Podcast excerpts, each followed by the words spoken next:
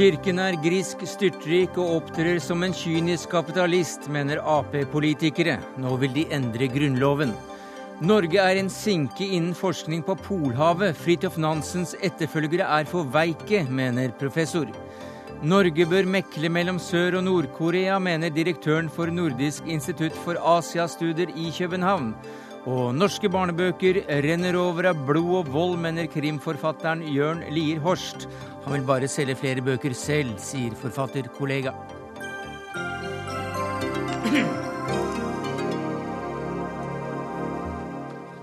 Ja, Det er noen av sakene i Dagsnytt 18 denne tirsdagen. Og vi får også høre der at Høyre vil pålegge lærerne å rette skoleprøver anonymt, og at Utdanningsforbundet i så fall oppfordrer til sivil ulydighet. Men vi starter med Kirken, den uh, norske. Gjennom Opplysningsvesenets fond disponerer den verdier for over 8 milliarder kroner. Til geistlighetens beste og opplysningens fremme, som skrevet står. Men uh, måten disse pengene forvaltes på, får noen til å reagere.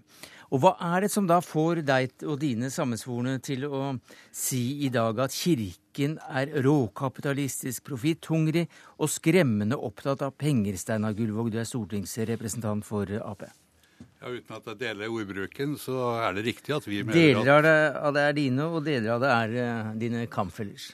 Så vi mener at uh, Opplysningsvesenet driver en kynisk uh, økonomiforvaltning mm. som først og fremst rammer landets tomteere tomtefestere. Nå er det slik at eh, Regjeringen har tidligere prøvd å instruere eh, Opplysningsvesenets fond til en mer samfunnsansvarlig forvaltning. Hvordan gikk det? Det gikk dårlig fordi at regjeringen ble tatt til Høyesterett. Og Høyesteretts flertall ga da Opplysningsvesenet en særstilling eh, juridisk sett i forhold til Grunnloven. Derfor er det nødvendig nå å endre, å endre Grunnloven. Men hva er det Opplysningsfondet, som det kalles, gjør her? Jeg kan jo ta et eksempel som er fra Re kommune i mitt eget hjemfylke. Hvor, altså, hvor, det er 60 tomteeiere, tomtefestere som har bedt om å få innløst sine eiendommer, slik de har krav på. Eh, og Så kjøres da denne saken først for tingretten, så for lagmannsretten, med omtrent samme resultat. Men Opplysningsvesenet gir seg jo da ikke med det. De bringer saken inn for Høyesterett, og saken er da uh, der oppe. Dette påfører jo de tomtefesterne dette gjelder, store utgifter. Så store utgifter til at de knapt kan bære dem. Dette utnytter, Den situasjonen utnytter eh, Opplysningsvesenets fond ganske kynisk. Eh, vel vitende om at eh, de altså presser tomteeierne, tomtefesterne, hele veien. Forhåp, I forhåpningen om å oppnå et annet resultat enn det tingretten og lagmannsretten mm. har fastslått. Ole Wilhelm Meyer, det er du som er direktør for Opplysningsvesenets fond. Litt veldig glad i penger, kanskje? Eh, jeg tror ikke vi er vel glad i penger. Eh, jeg opplever at vi eh, driver en forsvarlig forvaltning innenfor de rammene som til enhver tid gjelder for virksomheten, altså den loven som gjelder å mm. regulere virksomheten vår. Ja, Du gjør sikkert ikke noe galt, men hva og, sier du til det Gullvåg sier her? Og de forskriftene som gjelder. Så sier jeg til det Gullvåg sier at hvis noen mener at vi opptrer på en dårlig måte i samfunnet, så tar vi det til oss. Det er vi opptatt av, og vi ønsker jo å bli sett på som en samfunnsaktør som er ansvarlig, og som opptrer på en ordentlig mm. måte. Ja, hva sier du da til, til dette eksempelet eh, fra Rakkestad? Eh, fondet ditt har krevd en økning i festeavgiften overfor Rakkestad speidergruppe på mer enn 8500 jeg kjenner ikke den saken konkret, men det jeg kan si generelt er at uh, disse festekontraktene de reguleres jo sjelden. Og uh, hvis de da reguleres med mange mange års mellomrom, så vil jo prosent, uh, den prosentvise reguleringen kunne bli høy. Mm. og så står det slik i den instruksen vi har, at vi skal, hvordan vi skal forvalte disse verdiene. Eh, det er ganske detaljert regulert, og det er jo det vi legger vekt på å gjøre på en forsvarlig og, og god måte. Forsvarlig og god måte. Ja, Jeg syns aldeles ikke det. Eksemplene som nevnes her, er jo bare noen få av svært mange. Det står jo daglig å lese slike eksempler i norsk eh, presse. Og det er klart at det omdømmet som Opplysningsvesenets fond etter hvert har fått, Eh, er etter min oppfatning nokså sjabert for tida. Eh, Pga. deres måte å forvalte sine, sine verdier på. Jeg, jeg tror det ligger litt i sakens natur også, når vi har den historien vi har og er så stor eh, grunneier som vi er, at noen ganger så treffer vi, andre ganger så klarer vi ikke å møte de forventningene som eh, enkelte i samfunnet har til oss. Og så tenker jeg at sånn vil det noen ganger være. Noen ganger treffer vi, andre ganger treffer vi ikke. Men det som er veldig viktig i min verden og vår verden, er at hvis noen sier at vi ikke opptrer på en god måte, så tar vi det alvorlig. Jeg tar det alvorlig, og jeg tenker at jeg leder en, eh, en samfunnsinstitusjon eh, som har kunder og interessenter som vi må forholde oss ordentlig til.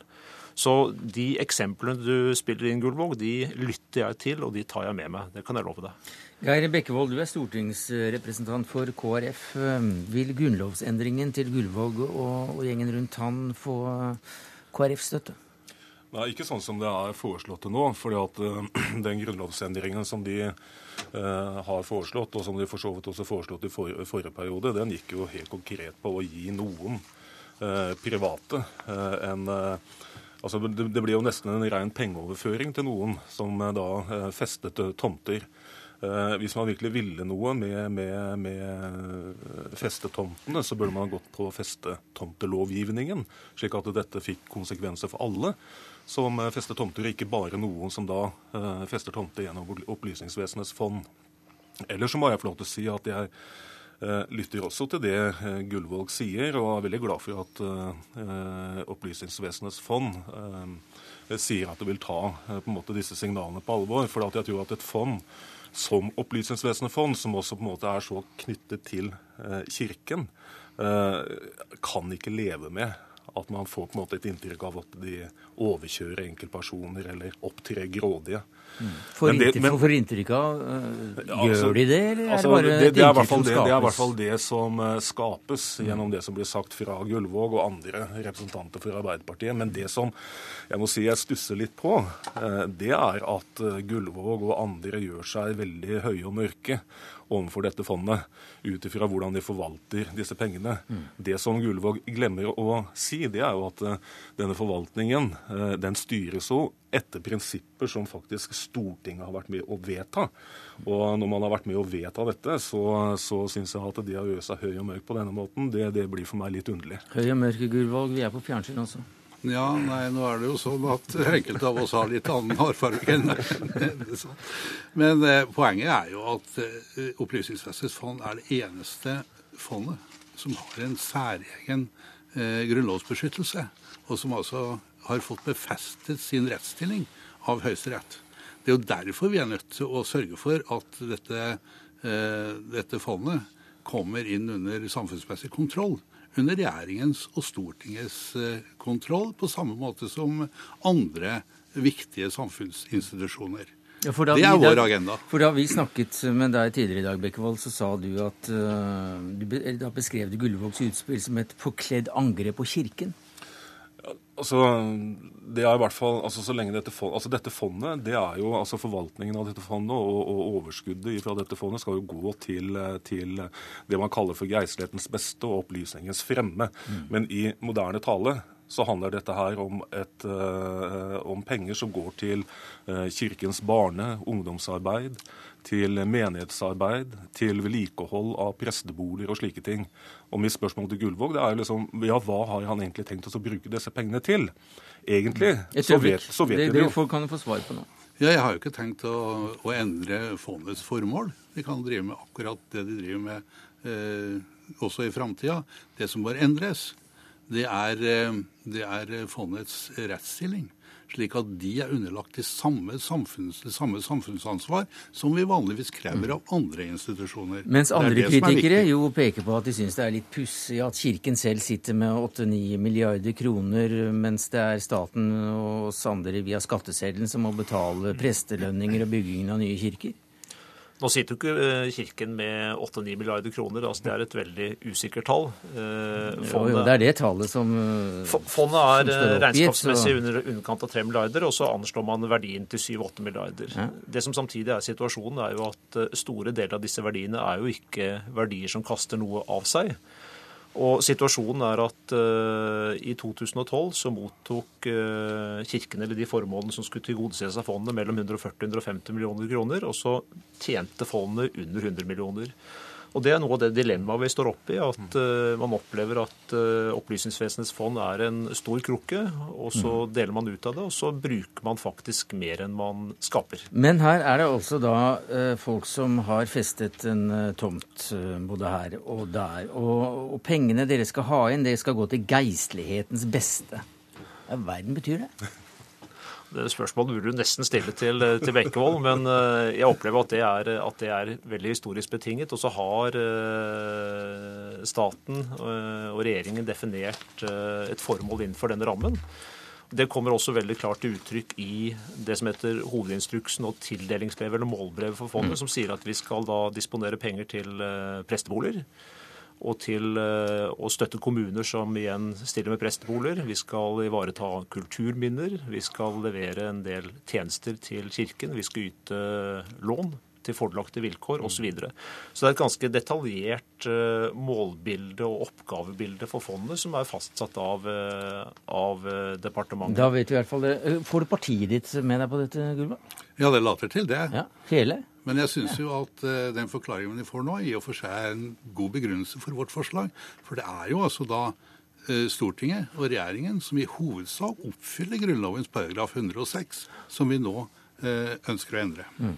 Takk skal eh, du ha, Steinar Gullvåg, stortingsrepresentant for Arbeiderpartiet, høy og mørk. Geir Bekkevold, stortingsrepresentant for Kristelig Folkeparti, litt mer eh, grå. Og Ole Wilhelm Meyer, direktør for Opplysningsforbundets fond, kortklippet.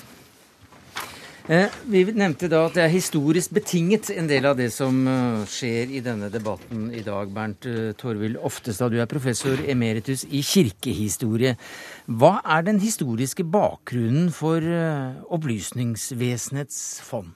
Det er verdioppbygging i middelalderen under den katolske tiden, da kirken får mange store eiendommer. Biskopene, lokale lokale kirkene og klostrene.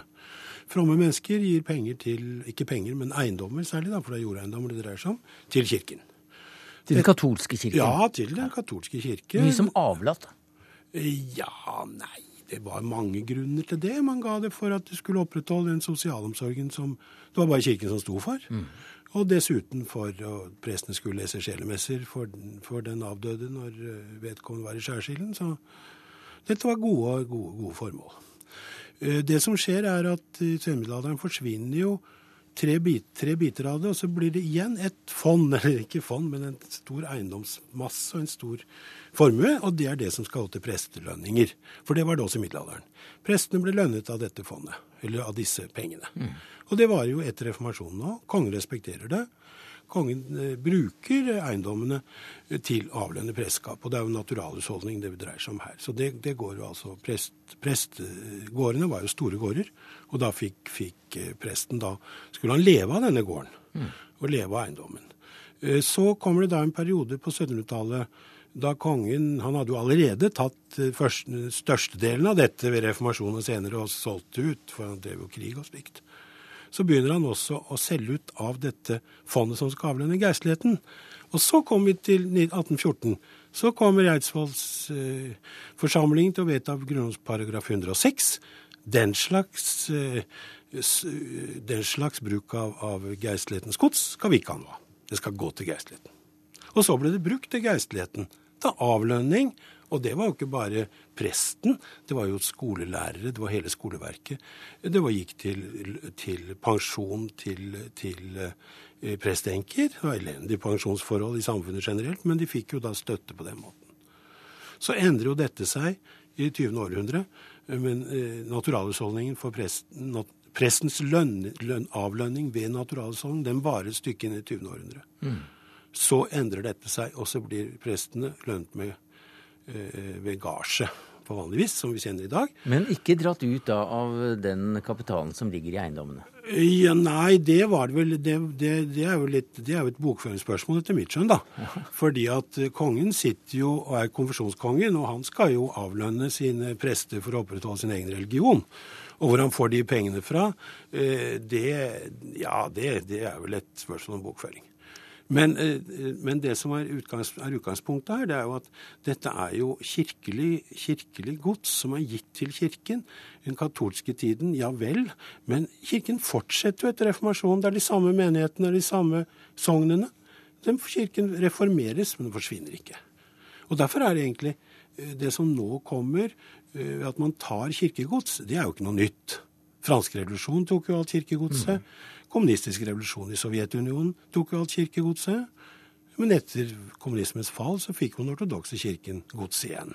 Men hvis du ser tilbake på, på akkurat eh, det vi nå snakker om, altså mm. dagens aktuelle situasjon, ja. kan denne for Dette er en politisk uenighet, som vi også hørte. Kan den da løses juridisk? Den, den må løses politisk i et moderne samfunn som vi lever i. Men den, de historisk-juridiske perspektivene, de hører med. Og da kommer vi inn på et veldig vanskelig spørsmål. Det er nemlig fins det en kirke i Norge etter reformasjonen? Ja. Og da vil jo Mange ville svart ja? Ja, jeg vil i hvert fall svare ja. Selv om jeg ikke er medlem av den kirken. vil jeg si at den, Kirken fortsetter jo etter reformasjonen. Kongen er lojal mot den. Det er forskjell på geistlige embetsmenn og andre embetsmenn. Kirken er en integrert, integrert affære i størrelse selv under enåstiden og også på 1800-tallet. Så Eh, jeg syns eh, ja, jeg, jeg, jeg, må jo si at det smaker litt dårlig, syns jeg. At her man, vil man opprettholde en folkekirke. Og denne folkekirkens begrunnelse ligger jo i dens lange historie. Og dens lange historie betyr at den har med seg fra den historien gods og eiendom som fromme mennesker har gitt den. Takk skal du ha for dette historiske tilbakeblikket, Bernt eh, Torvild Oftestad, professor emeritus i kirkehistorien.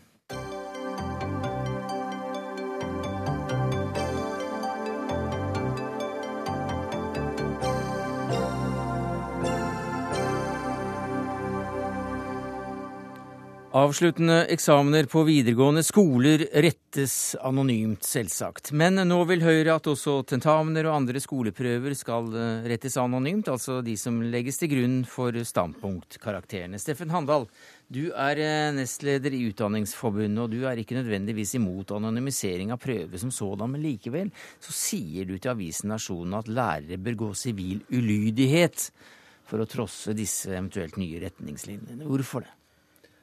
Dette er som du sier ikke en diskusjon for eller mot anonym retting av prøver, for dette vet vi foregår i ganske stor utstrekning. Og lærerne, altså vi er opptatt av å gi elevene en veldig god vurdering. Men så er det sånn at politikerne de har jo gitt skolen et mandat, og de har også gitt oss en vurderingsforskrift på 197 sider, eh, som er liksom rammene for hvordan vurderingen av elevene skal skje. Og den underveisvurderingen som vi skal bedrive, ikke sluttvurderingen, men mm. underveisvurderingen, den er det viktig at eh, lærerne har eh, mulighet til å utøve et profesjonelt skjønn i forhold til. Og det som er viktig med det, det er at elevene skal ikke bare vite hvor de står, men de skal også få en klar fremovermelding. Altså de skal vite hva som skal til for å komme videre. Derfor er det viktig at det er lærerne som avgjør når det er hensiktsmessig å bruke anonyme prøver, og ikke. Det er fornuftig, det er effektivt, og det er ikke minst å vise tillit til lærerstanden. Og vise tillit til den kompetansen de har tilegnet seg gjennom lærerutdanningen, gjennom erfaring, og også gjennom det arbeidet man driver med elevene. Mappevurdering er et eksempel på at man kan, man kan drive vurdering på veldig mange måter. Og dette forslaget om anonymiserte prøver det handler egentlig om en litt gammel skolehverdag mm. som ikke er der lenger. Og til syvende og sist mistillit til lærerne. Elisabeth Aspaker, du er skolepolitisk talsperson i Høyre. Nei, vi har ikke mistillit til lærerne, men vi lytter også til elever som uh, føler at de ikke alltid får ei så objektiv og rettferdig vurdering som de mener de har krav på. Uh, og Da har vi pekt på at f.eks. tentamener, som man jo har to ganger i året, og eventuelt større elevarbeid kunne man faktisk eh, ha forsøk med å, å, rette anonymt. Og jeg mener at Det er jo også å på en måte beskytte lærere mot det de ofte kanskje får, blir møtt med av anklager om at trynefaktoren spiller en rolle, og vi har ikke fått den rettferdige vurderinga som vi eh, ønsker oss. Og Det er ikke noen motsetning mellom å drive underveisvurdering å gi tilbakemelding til elevene, og det at noen større prøver i løpet av eh, skoletida rettes anonymt. Dette er ikke å hjelpe lærerne, dette er å provosere. Og det er altså sånn, som jeg har sagt før, at her har man overlatt faktisk mye av ansvaret til et faglig skjønn. Til kompetente personer som man har store forventninger til, og som også Høyre sier er de viktigste i skolen. Den mest avgjørende faktoren. Og det er klart at Da er man også nødt til å se at dette handler om å faktisk gi fagfolk muligheten til å drive god vurdering. Og vi skal være der ikke for politikerne, vi skal være der for elevene. Jo, men jeg, mener, jeg, jeg, Det er ikke noen motsetning mellom, mellom det å, være, å, ha tillit til lærerne og samtidig også si at vi ønsker å kvalitetssikre vurderinger, sånn at noen prøver rettes anonymt.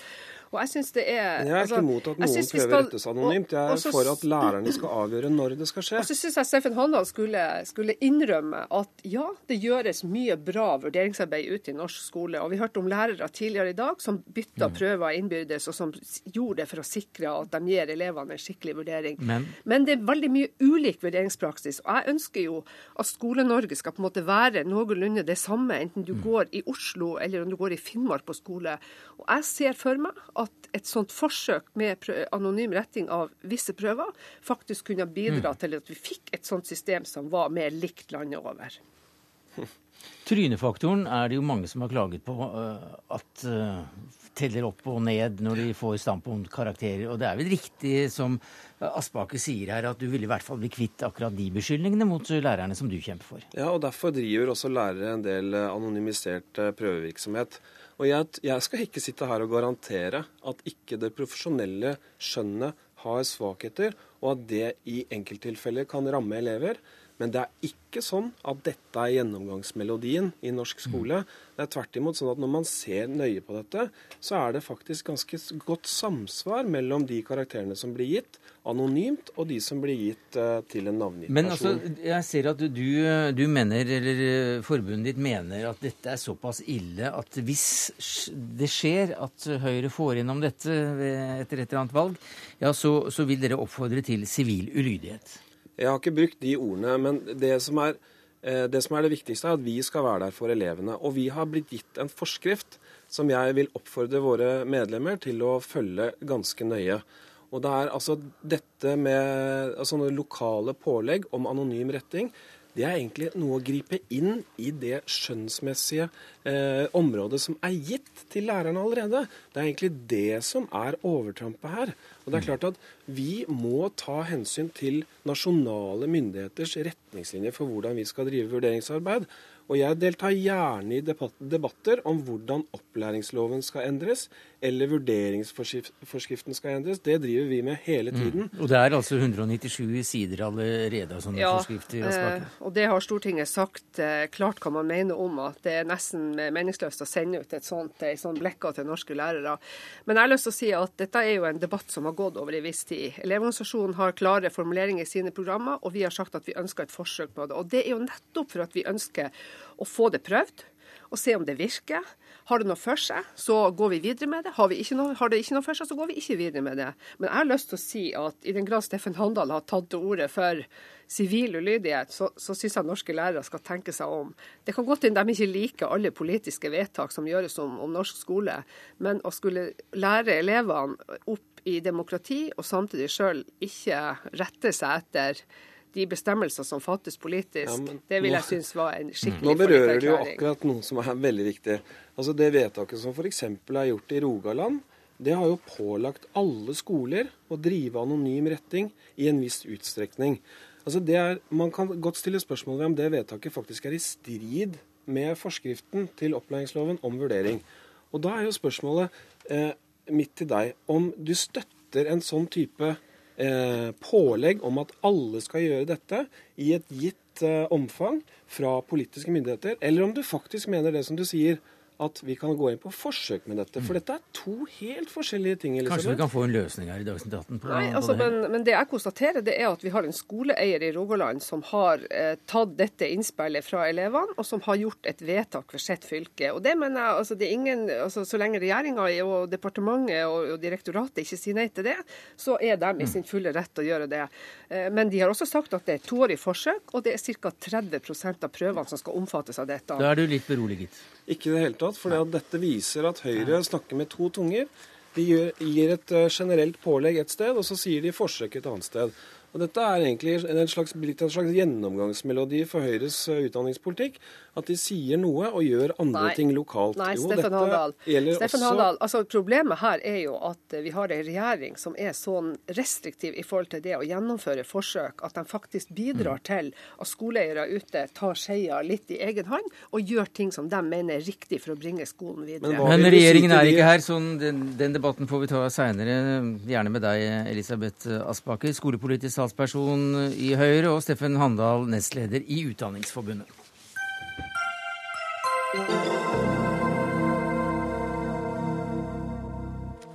Norge eh, er blitt akterutseilt i forskningen om Polhavet. Det synes tre professorer som eh, har skrevet en kronikk i Dagsavisen om dette. Der slår eh, dere et slag for at Norge må melde seg på internasjonale forskningsprogrammer.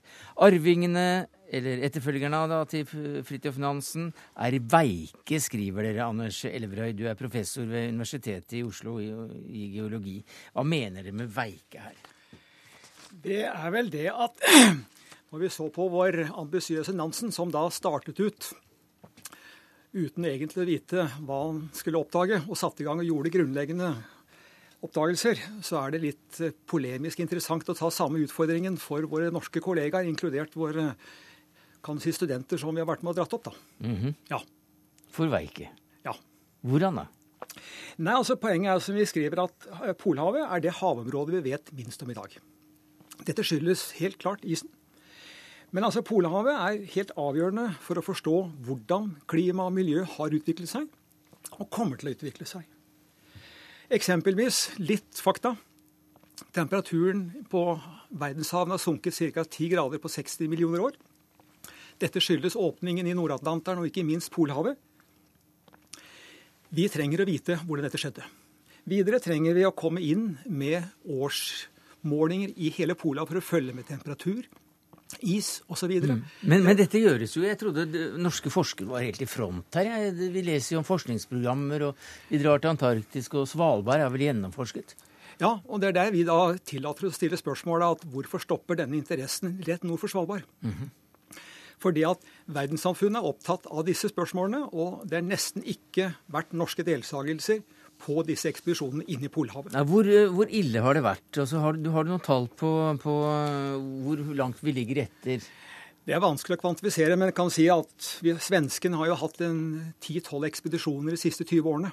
Mm. Og vi har hatt? Vi har hatt, eh, Oljedirektoratet har hatt én ekspedisjon for å kartlegge eh, utbredelsen av norsk sokkel. Den er helt nødvendig for lov å si. Så hadde NTNU lånt den svenske isbryteren på et isgående tokt i fjor. Og så har da Yngve Kristoffersen hatt sin nærmest private ekspedisjon med støtte fra Oljedirektoratet ved bruk av luftputtebåt de siste året der oppe.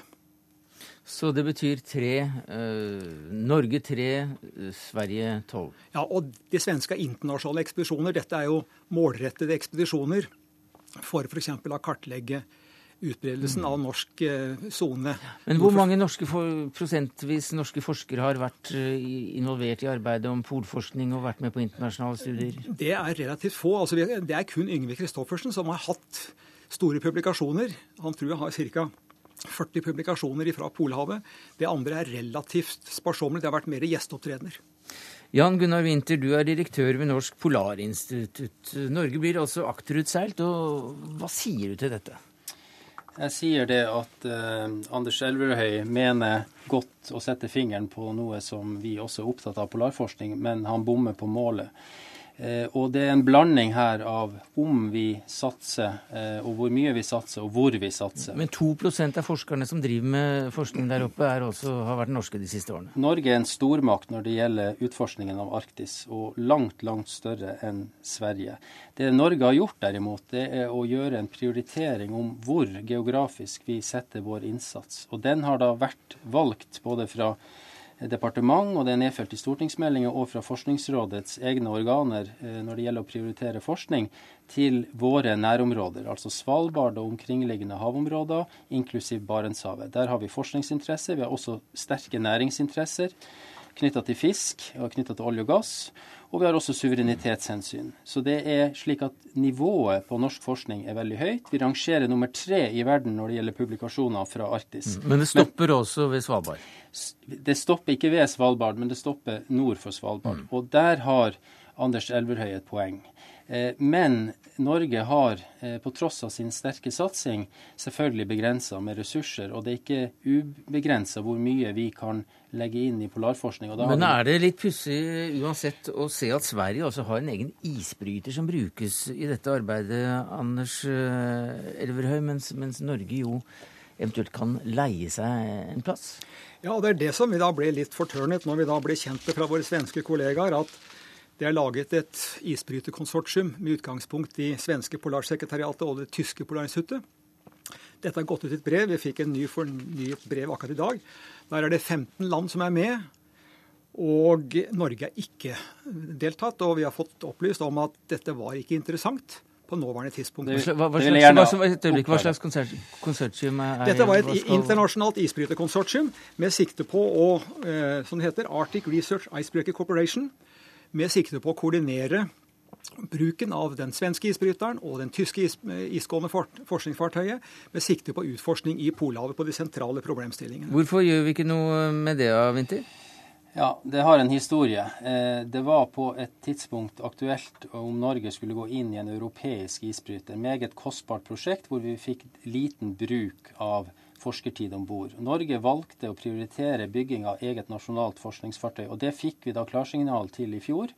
Så regjeringen har bevilga eh, midler til å bygge et nasjonalt isgående forskningsfartøy. men er, er, det, er, det en fullgod, et øyeblikk, er det en fullgod løsning, slik du ser det? Nei, altså, det, altså, et øyeblikk, bare for Elverøys uh... Dette er to forskjellige ting. Det borefartøyet Aurora Borealis er for så vidt lagt på side. Dette er et konsortium som nå har en call ute om inviterer i samarbeid basert på eksisterende fartøy. Det er der vi mener at Norge bør også være med. Da vil jeg gjerne oppklare en ting, og det er at Norge har eh, gått inn og sagt at vi er interessert å delta i dette konsortiet når vi har en ny isbryter tilgjengelig og til bidrag i det europeiske poolen av forskningsfartøy. Den står ferdig om to år. Og da svarer vi på det som Elverhøy eh, spør etter. Ja, ja vi syns det er litt seint, altså. ja, Bo Andersen, du har sittet helt rolig her eh, som leder av den norske nasjonalkomiteen for polarforskning. For eh, dere jobber jo i disse dager eh, med å utforme den fremtidige strategien for nettopp polarforskning. Komiteen er for øvrig oppnevnt av Forskningsrådet. Hva sier du til det du hører her, altså prioriteringen av å stoppe nord for Svalbard? Altså, jeg, jeg, leste denne artikkelen før påske. Anders sendte meg med den, så jeg, jeg leste den. Og jeg syns den gir litt feil inntrykk i forhold til hva man prioriterer i Norge. Det gir inntrykk av at man ikke er aktive på polarforskningssida. Og det er helt riktig som både Anders og Jan Gunnar Winther sier, at, eh, at, vi er ikke aktive inne i uh, polområdet, Polhavet. Og, og det er all mulig grunn til å ikke være i fremtiden også? Nei, altså det, det, kan vi ikke uttale oss om. Ja, Men du sitter jo der som leder av den norske nasjonalkomiteen for slik eh, forskningsprioritering? Ja, vi, vi, sitter akkurat og gjør det arbeidet ja. nå. Hva tenker dere om det, da? Ja, altså Dette er innspill som vi er veldig klar over. Vi har fått uh, den forespørselen som ble omtalt her. Og vi må se på helheten for la, både å bygge på de miljøene som er, og de studentene som uh, Anders nevnte her, som er veldig viktig å ta opp også. Hvor er det vi har kompetansen den? Og så må vi se på hvilke muligheter er det framover. Men man skal ikke utelukke at eh, det blir påpekt, og som det også ble påpekt i den forrige planen som var mye mer kortvarig, at det er forskningsmessige hull i det området. Så det er ting som uh, denne komiteen eventuelt må anbefale for Forskningsrådet, for det er de som må ta de endelige prioriteringene. Nei, for Når vi snakker med politikere om dette her, så er jo nordområdene da noe av det viktigste norske utenrikspolitikere involverer seg i. Og også uh, i området nord for, for Svalbard. Uh, så det følger altså ikke forskning med som sådan når vi hører slike uttalelser foreløpig? Jo, det følger med ganske langt nord for Svalbard. Altså det, det isgående fartøyet som Janne Gøe Winde prater om, vil jo kunne gå opp til de områdene som dekker mm. uh, Men altså, isbryter er det ikke? Nei, men den kan gå gjennom tykt nok is til å kunne mm. gå dit hvor bl.a. Uh, Kystvakten har vært. Så uh, selve prioriteringen av de forskjellige fagområdene er nemlig de som man har definert som viktige for Norges uh, forvaltning av disse områdene, både forskningsmessig og næringsmessig. Men historisk er det ikke slik at Norge alltid har vært en sinke når det gjelder forskning rundt eh, disse områdene helt i nord. Vi tror jo at vi har vært verdensmester hele tiden, men før Fridtjof Nansen og Amundsen så var det vel svært lite svenskene, tyskere, britere var mye flinkere? Ja, altså det, det startet jo med, med uh, norgesgjøringen uh, under Sverige. Og da liksom den aktiviteten kommer. Og, og Norge har hatt en sterkt økende innsats på polarforskning generelt, og spesielt i Arktis, men ikke inn i ikke det området. så langt nord. Nei, og Det er et helt betimelig spørsmål å ta opp om det er riktig at Norge skal gå med og investere midler for å, gjøre, for å dekke, og bidra til å dekke de kunnskapshullene som er der. Så når vi er såpass beskjedne helt oppe i nord, Elverøy, så har altså det en, en slags historisk eh, klangbunn. Ja, men det er det som vi syns er litt paradoksalt. Nansen tok jo da og seilte på tvers. Og nettopp den utfordringen gå på de store spørsmålene, og det er det vi ser utfordringen på. Men før han så var det jo nesten ingen, og etter Neida. han så hadde det nesten ikke vært noen, så han var vel da en, en ensom eh, jo. Padler der oppe. Det var vel nettopp det, men altså nettopp denne litt sånn retorikken rundt det hele, for å løfte blikket, og ikke minst nå når man skal skrive en ny plan, så mener vi også at det er Forskningsrådets opp, Polarkomiteens oppgave å faktisk være en nysgjerrighetspådriver for de store spørsmålene. Mm. Ja, det eh, selvsagt. Det, dette vil vi ta opp i de diskusjonene som pågår, som faktisk fortsetter på torsdag. Og regner med å være ferdig over sommeren. Og vi har fått mye innspill. Mm. Og så må vi prøve å prioritere dem i forhold til muligheter og i forhold til hva slags kapital man kan være med å få. Takk skal du ha, Bo Andersen, leder av Den norske nasjonalkomité for polarforskning. Anders Elverøy, professor ved Universitetet i Oslo, og Jan Gunnar Winther, direktør ved Norsk Polarinstitutt.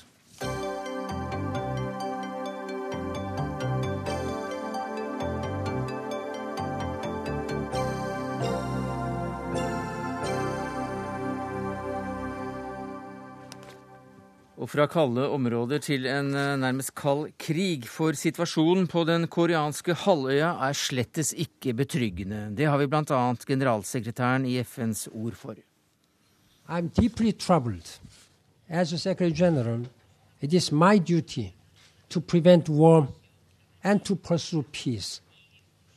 It is also my responsibility to state that the current crisis has already gone too far den er kommet eh, og gått for langt, denne konflikten mellom eh, Nord- og Sør-Korea. USA sender et krigsskip og en flytende radarkoloss nærmere Nord-Korea. Sørkoreanske myndigheter sier det militære har fullmakt til å slå til eh, tilbake uten å kontakte regjeringen i Seoul. Torgeir Larsen, hvordan vurderer det norske utenriksdepartementet, eh, der du er statssekretær, den situasjonen som, som nå har oppstått på halvøya?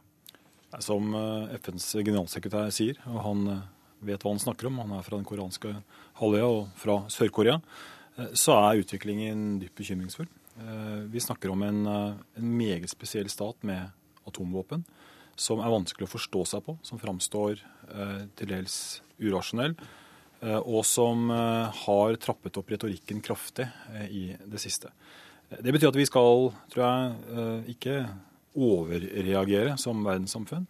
Eh, men eh, verdenssamfunnet reagerer her koordinert, og det er viktig og, og tydelig. Men det er i eh, aller høyeste grad bekymringsfullt når en atommakt kommer med de signalene og uttalelsene som Nord-Korea har gjort de siste ukene.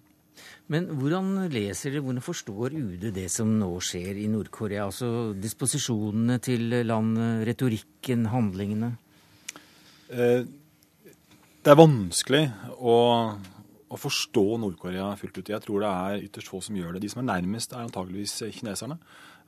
Kina har et langt forhold til Nord-Korea som alliert og er aktivt involvert. Det er i seg selv viktig. Men det er opplagt altså et behov for kraftig retorikk. Nå sies det fra kjennere og fra de som har fulgt situasjonen lenge, at én ting er å være hard retorisk, en annen ting er å på en måte følge ut i forhold til atompotensialet. Få tror det. Eh, men mange er eh, redde for at det vil komme eh, altså praktiske skritt fra Nord-Korea. Angrep inn på en eller annen øy som tilhører Sør-Korea. Provokasjoner inn i området. Altså den mm. demilitariserte sonen mellom sør og nord. Altså I sum en, en uforutsigbar aktør, Nord-Korea som krever et forutsigbart internasjonalt reaksjonsmønster. Eh, og der er eh, altså stormaktene sentrale. Her er det jeg vil si, spesielt Kina, USA, man kan ta med Russland, mm. Japan. Og det er deres samordning og reaksjonsmønster som her, mm. her er viktig. Det er en kar som da er førsteamanuensis ved Senter for asiatiske sikkerhetsstudier, som har studert spesielt godt Eh, Kinas utenrikspolitiske valg de siste årene, Øystein Tunchi, og det er deg. Eh, og du har også sett spesielt på forholdet mellom eh, Kina og hvordan kineserne ser på USA. Hvordan tolker du det som nå skjer, skjer i Nord-Korea ut ifra disse stormaktenes interesser? Nei, jeg er helt enig i at vi, vi, vet egentlig veldig lite om hva som skjer inne i Nord-Korea. Men, men når det gjelder forholdet eh, til stormaktene i regionen, eh, særlig da USA og, og Kina, så, så, ser vi eh, visse nye utviklingstrekk. Kineserne støttet opp om de nye sanksjonene som ble vedtatt for noen uker siden, 2049. Disse avhenger selvfølgelig av at kineserne håndterer dem, eller velger å håndheve disse sanksjonene. Eh, det har vært noe tegn til at de har begynt å legge mer press på Nord-Korea. Eh, noen rapporter viser til det. Men, men, det gjenstår mye der, fordi kineserne har en eh, vanskelig balansegang. De ønsker ikke å legge for mye press på Nord-Korea i frykt for at regimet skal kollapse. Samtidig som de også ønsker dem tilbake til forhandlingsbordet, hvor da særlig Beijing sitter med regien.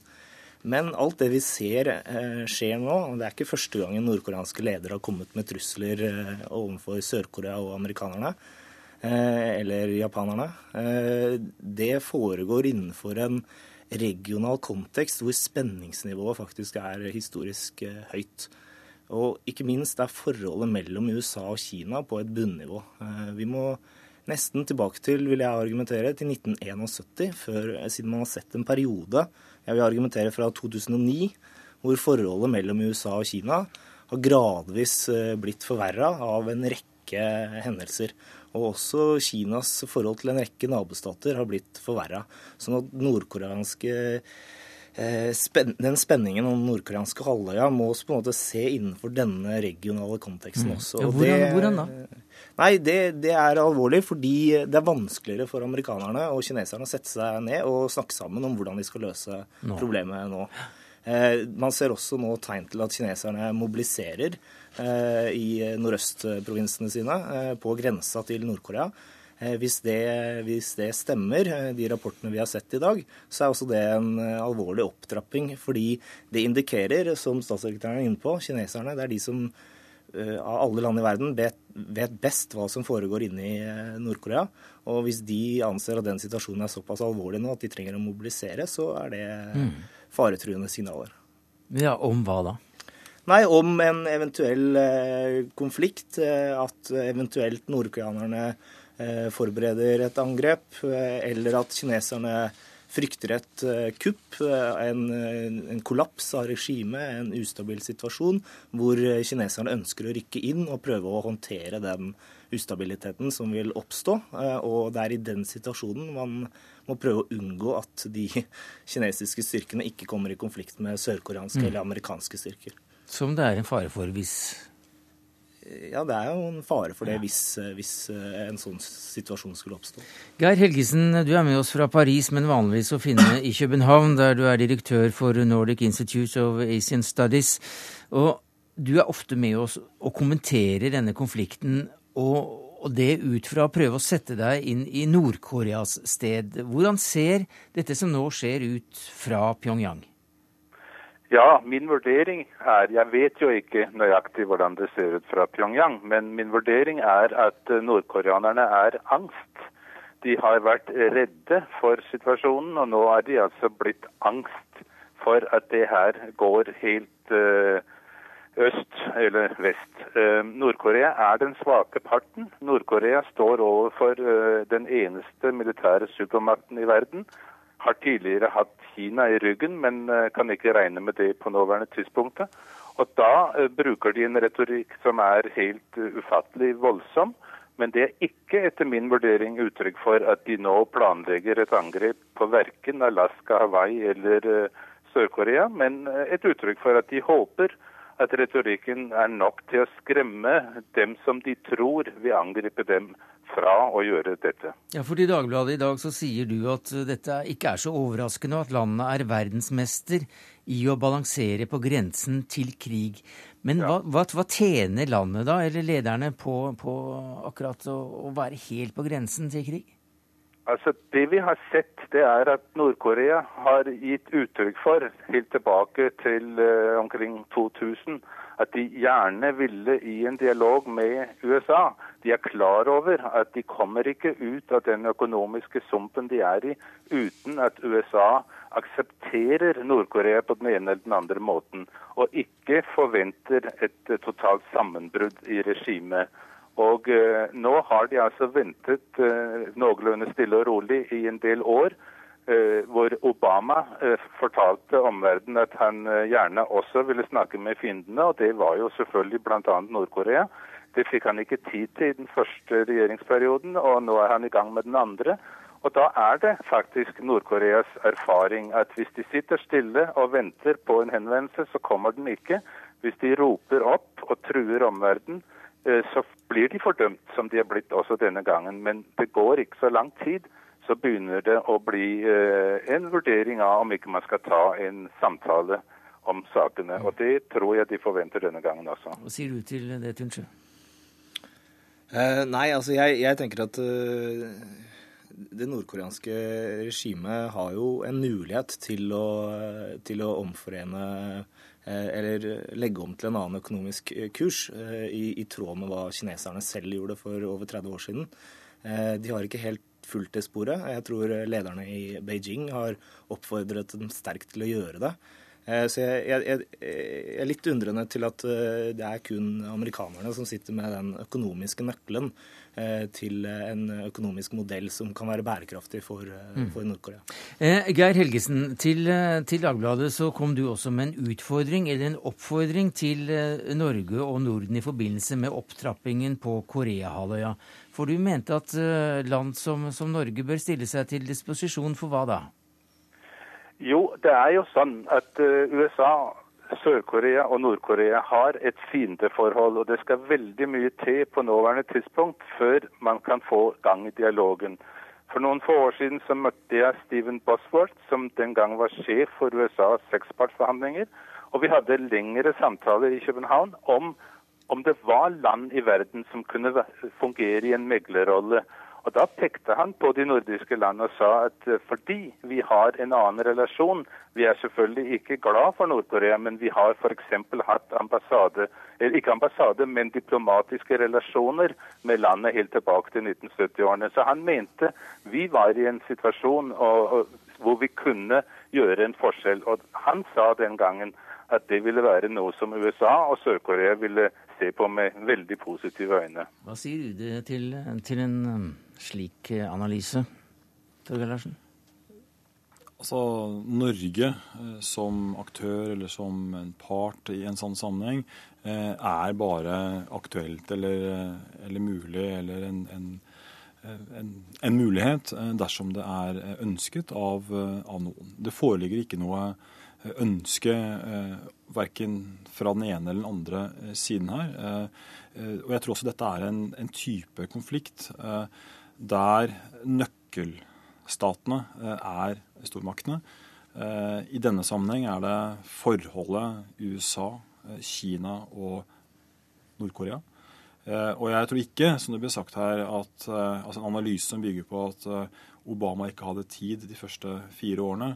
Eh, sånn er det ikke. Mm. Eh, det har selvfølgelig vært en lang rekke eh, følere og samtaler, men, men, det er på et frysenivå i øyeblikket. Eh, og eh, på mange måter eh, så er den staten som jeg innledningsvis pekte på, som vet best hva som foregår i Pyongyang, Kina. Det er opplagt at dette forholdet i øyeblikket bekymrer Kina. Det bekymrer en hel verden. Det bekymrer alle som har atomvåpen. Mm. Det bekymrer også regionen. Men så vil jeg si et lite håp. Eh, og det er på det som ble påpekt her, om at det er stort konfliktnivå i eh, regionen. Kina og USA er på mange måter eh, på hver sin side i en del av spørsmålet. Dette spørsmålet er et spørsmål som forener USA og mm. Kina. Men eh, jeg la merke til at du svarte veldig kort på dette med en utfordring for et nordisk land, f.eks. Norge, og, og da komme ta en tur til Sør-Korea og si at vi, vi, er nå selvfølgelig disponible hvis man skulle ønske det. Og du skal jo vel til Sør-Korea om ikke så mange dager? Jo, jeg drar til Sør-Korea i neste uke eh, og skal der ha en lang rekke samtaler. Både i forhold til uh, i forhold til altså næringssamarbeid, Arktis, eh, og i forhold til det som skjer selvfølgelig på den mm. koranske halvøya i øyeblikket. Men Vil dere der åpne opp for at Norge kan innta en, en eller annen rolle hvis eh, det skulle være ønske om det? Altså, Det er ikke slik den type diplomati fungerer. Eh, det har vel hendt at Norge har vært frampå og sagt at hvis dere ønsker det, så kan dere spørre oss? Ja, I alle sammenhenger eh, vil jeg si, hvor Norge har hatt eh, en form for tilretteleggerrolle eller en samtalefasilitator eller hva som helst, det er nokså mange sammenhenger, så har det vært en situasjon der en, en, norsk fasilitering på en eller annen måte er ønsket mm. og tydelig. Så kommer man i en prosess. En slik situasjon finnes ikke her. Tunsje, hvordan ser du for deg et, en, en sånn mulighet? Nei, jeg, jeg, stiller meg litt uforstående til at Norge skal innta en, en form for meklingsrolle i denne konflikten. Eh, hovedsakelig fordi, som statssekretæren har vært inne på, så er det Kina som kanskje sitter med nøklene her. Og, og, per i dag så har Norge eh, på diplomatisk og politisk nivå eh, et fryst eh, forhold til Kina. Og det, det, blir som å si at eh, Norge skulle mekle mellom palestinerne og israelerne uten å ha diplomatisk eh, kontakt med USA. Og det, det, det sier seg sjøl at det ikke lar seg gjøre. Men, eh, men det er klart det, det, kan jo åpne seg muligheter for uh, noen nordiske land. Uh, men, men jeg, jeg, tror det er svært vanskelig. Jeg tror denne konflikten må håndteres av stormaktene, og da forholdsvis fortrinnsvis USA og Kina, men at kanskje også Russland og, og Japan vil også spille en rolle.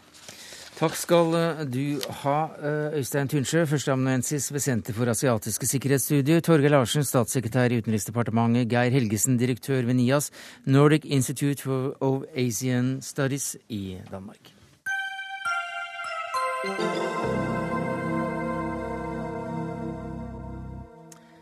Forlagene forsøker å lokke barn til å lese ved å kline til med blodsprut og vold. Dette er en farlig tendens ved norske barnebøker, og særlig når forfatterne måler sin suksess i hvorvidt de har fått barna til å få mareritt.